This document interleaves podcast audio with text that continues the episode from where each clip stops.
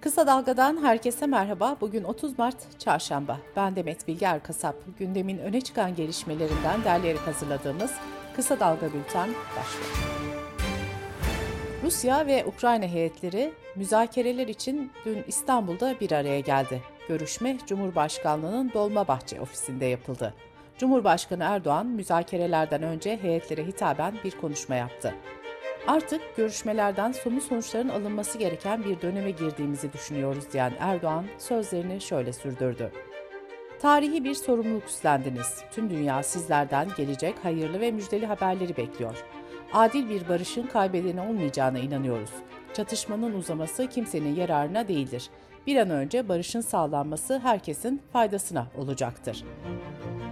Erdoğan'ın konuşması sonrası heyetler arası görüşmeler yapıldı. 4 saat süren toplantı sonrası ilk açıklama Ukrayna heyetinden geldi. Açıklamada aralarında Türkiye'nin de bulunduğu 8 ülkenin garantör ülke olması istendi. Kiev yönetiminin garantör olarak görmek istediği diğer ülkeler ABD, İngiltere, Fransa, Almanya, Polonya, Kanada ve İsrail oldu. Ukrayna heyeti arasında yer alan Ukrayna Devlet Başkanlığı Ofisi danışmanı Podolyak da bugünkü görüşmenin sonuçları liderler seviyesinde bir görüşme yapılması için yeterlidir dedi. Rusya heyeti ise şu açıklamayı yaptı. Putin, Zelenski zirvesi Dışişleri Bakanları anlaşırsa mümkün olabilir. Bazı maddeler üzerinde anlaştık. Ukrayna'nın önerilerini Putin'in önüne koyacağız. Bu arada Rusya Savunma Bakanlığı Kiev ve Çernihiv'de operasyon duracak açıklamasında bulundu. Görüşmelerden sonra bir açıklamada Dışişleri Bakanı Mevlüt Çavuşoğlu'ndan geldi. Çavuşoğlu bazı konularda uzlaşı ve ortak anlayışa varıldığını belirtti. Her aşamada taraflar arasında yakınlaşmanın arttığını memnuniyetle görüyoruz diyen Çavuşoğlu, müzakerelerin başlamasından bu yana en anlamlı ilerleme kaydedildi değerlendirmesinde bulundu. Milli Savunma Bakanı Hulusi Akar, Karadeniz'de bulunan mayınlarla ilgili açıklama yaptı. Bakan Akar, mayın avlama gemilerimiz, deniz karakol uçaklarımız hepsi teyakkuz halinde. Herkesin gözü kulağı görülebilecek olası mayınlarda. Tespit edilen mayınlar emniyetli bir şekilde anında imha ediliyor dedi. Mayınların nereden geldiği ve kaynağına yönelik bir soru üzerine de Bakan Akar, Ukrayna'da döşenen mayınlar mı geldi yoksa başka mayınlar mı devreye girdi? Bu konuda emin olmadan bir şey söylemek doğru olmaz. Bununla ilgili çalışmalarımız devam ediyor diye konuştu. Rusya Savunma Bakanlığı'na bağlı Ulusal Savunma Kontrol Merkezi ise çıpalarından kopan Ukrayna mayınları Karadeniz'de sivil seyir seferi tehdit ediyor açıklaması yaptı.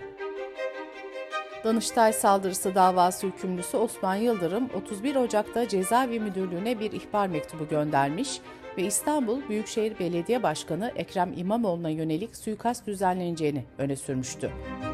İhbar mektubunun İBB'ye ulaşmasının ardından İmamoğlu'nun avukatlarından Kemal Polat, İstanbul Cumhuriyet Başsavcılığı ve İstanbul Valine konuyla ilgili şikayette bulundu. Şikayetin ardından Başsavcılık soruşturma başlattı. Başsavcılık ayrıca İstanbul Valiliğinden önlem alınmasını istedi. CHP Genel Başkanı Kemal Kılıçdaroğlu partisinin grup toplantısında muhalefet liderleriyle yaptıkları ikinci görüşmeyi anlattı. Kutuplaşmayı değil, beraber olmayı hedefliyoruz diyen CHP lideri şunları söyledi. Birlikteliğimizi bozmayı amaçlayan seçim kanunu üzerine de görüştük. Kanunu istediğiniz kadar değiştirin, sizi göndereceğiz arkadaş. Sandık güvenliğini de sağlayacağız. Hiçbirimiz devletin hazinesine el uzatmak gibi bir niyet taşımadık. Ama devletin hazinesine el uzatanlardan hesabını soracağız. Biz 6 lider Londra'daki bir avuç tefeciye değil 84 milyona hizmet edeceğiz. HDP eş genel başkanı Pervin Buldan da partisinin grup toplantısında Cumhurbaşkanı Erdoğan'ın şifa tarifini eleştirdi. Pervin Buldan, millet kuru ekmek bulamıyor, o manda yoğurdu, kestane balı, medine hurması ve yulaf yiyin demekten utanmıyor diye konuştu. MHP lideri Devlet Bahçeli ise partisinin grup toplantısındaki konuşmasında seçim araştırmalarına tepki gösterdi. Bahçeli, algı operasyonları bize sökmez, sipariş ve yalan anketler doğru duvarı yıkmaya, milletin iradesine ket vurmaya yetmez yetmeyecek dedi. Birçok araştırma şirketinin çalışmasında MHP baraj altında görünüyor. Bursa'nın Osman Gazi ilçesindeki Mithat Paşa Ortaokulu'nda kız ve erkek öğrencilerin ayrı sıralara oturtulması için öğretmenlere talimat veren ve hakkında başlatılan soruşturmayla açığa alınan okul müdürü Haydar Akın bir hafta içinde görevine iade edildi. Resmi gazetede yayınlanan Cumhurbaşkanlığı kararı ile kamu kurum ve kuruluşlarının yönetimindeki müzelerin yönetimi Milli Saraylar İdaresi tarafından devralınabilecek. Uluslararası Af Örgütü geçen yıl 154 ülkede insan hakları alanında kaydedilen gelişmeleri özetlediği raporunu açıkladı.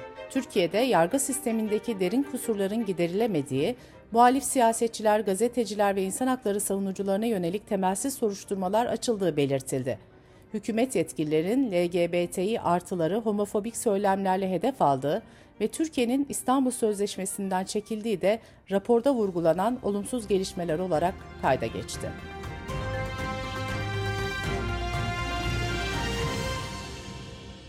Dış politika ve dünyadan gelişmelerle bültenimize devam ediyoruz.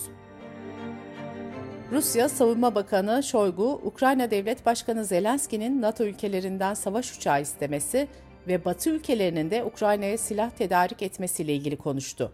Rus haber ajansı Interfax'ın haberine göre Şoygu, bunların gerçekleşmesi halinde uygun bir yanıt vereceğiz diye konuştu. Rus bakan açıklamasının devamında Ukrayna'da hedeflere ulaşana dek özel askeri operasyon devam edecek dedi.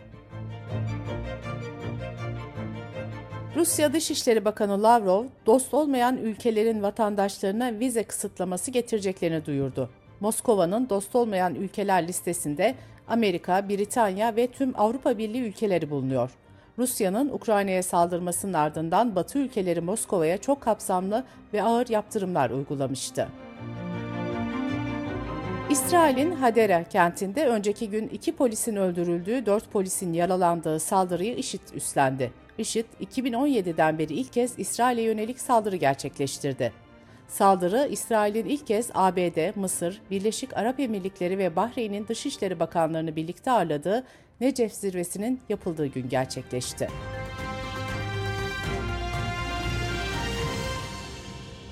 Sırada ekonomi haberleri var.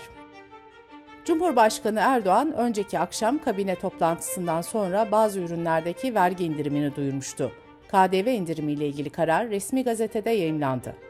Buna göre sabun, şampuan, deterjan, dezenfektanlar, ıslak mendil, tuvalet kağıdı, kağıt havlu, kağıt mendil, peçete, diş fırçası, hijyenik bez ve bebek bezi gibi ürünlerin satışında KDV oranı %18'den %8'e düşürüldü. Sağlık Bakanlığı mevzuatı kapsamındaki tıbbi cihazların KDV'si de aynı şekilde %18'den %8'e indirildi. Konutların net alanının 150 metrekareye kadar olan kısmı için de KDV oranı bundan sonra %8 olarak uygulanacak. Toprak Mahsulleri Ofisi un sanayicilerine sattığı buğdaya %22 zam yaptı. Ziraat Mühendisleri Odası İstanbul Şube Başkanı Murat Kapıkıran, sanayicinin ham madde temininde artan maliyetleri tüketiciye ekmek ve un zammı olarak dönecektir dedi. Türkiye İstatistik Kurumu verilerine göre hizmet üretici fiyat endeksi Şubat ayında bir önceki aya göre %3.78 arttı. Bir önceki yılın aynı ayına göre artış %78.09 oldu. TÜİK verilerine göre Şubat ayında ulaştırma ve depolama hizmetlerinde %4.74, konaklama ve yiyecek hizmetlerinde %4.15, bilgi ve iletişim hizmetlerinde %4.11 artış gerçekleşti. Söz konusu dönemde gayrimenkul hizmetlerinde ise %0.08 azalma oldu. Türkiye Sanayicileri ve İş İnsanları Derneği TÜSİAD'ın 52. olan genel kurulu dün yapıldı. Orhan Turan, TÜSİAD'ın yeni başkanı olarak seçildi.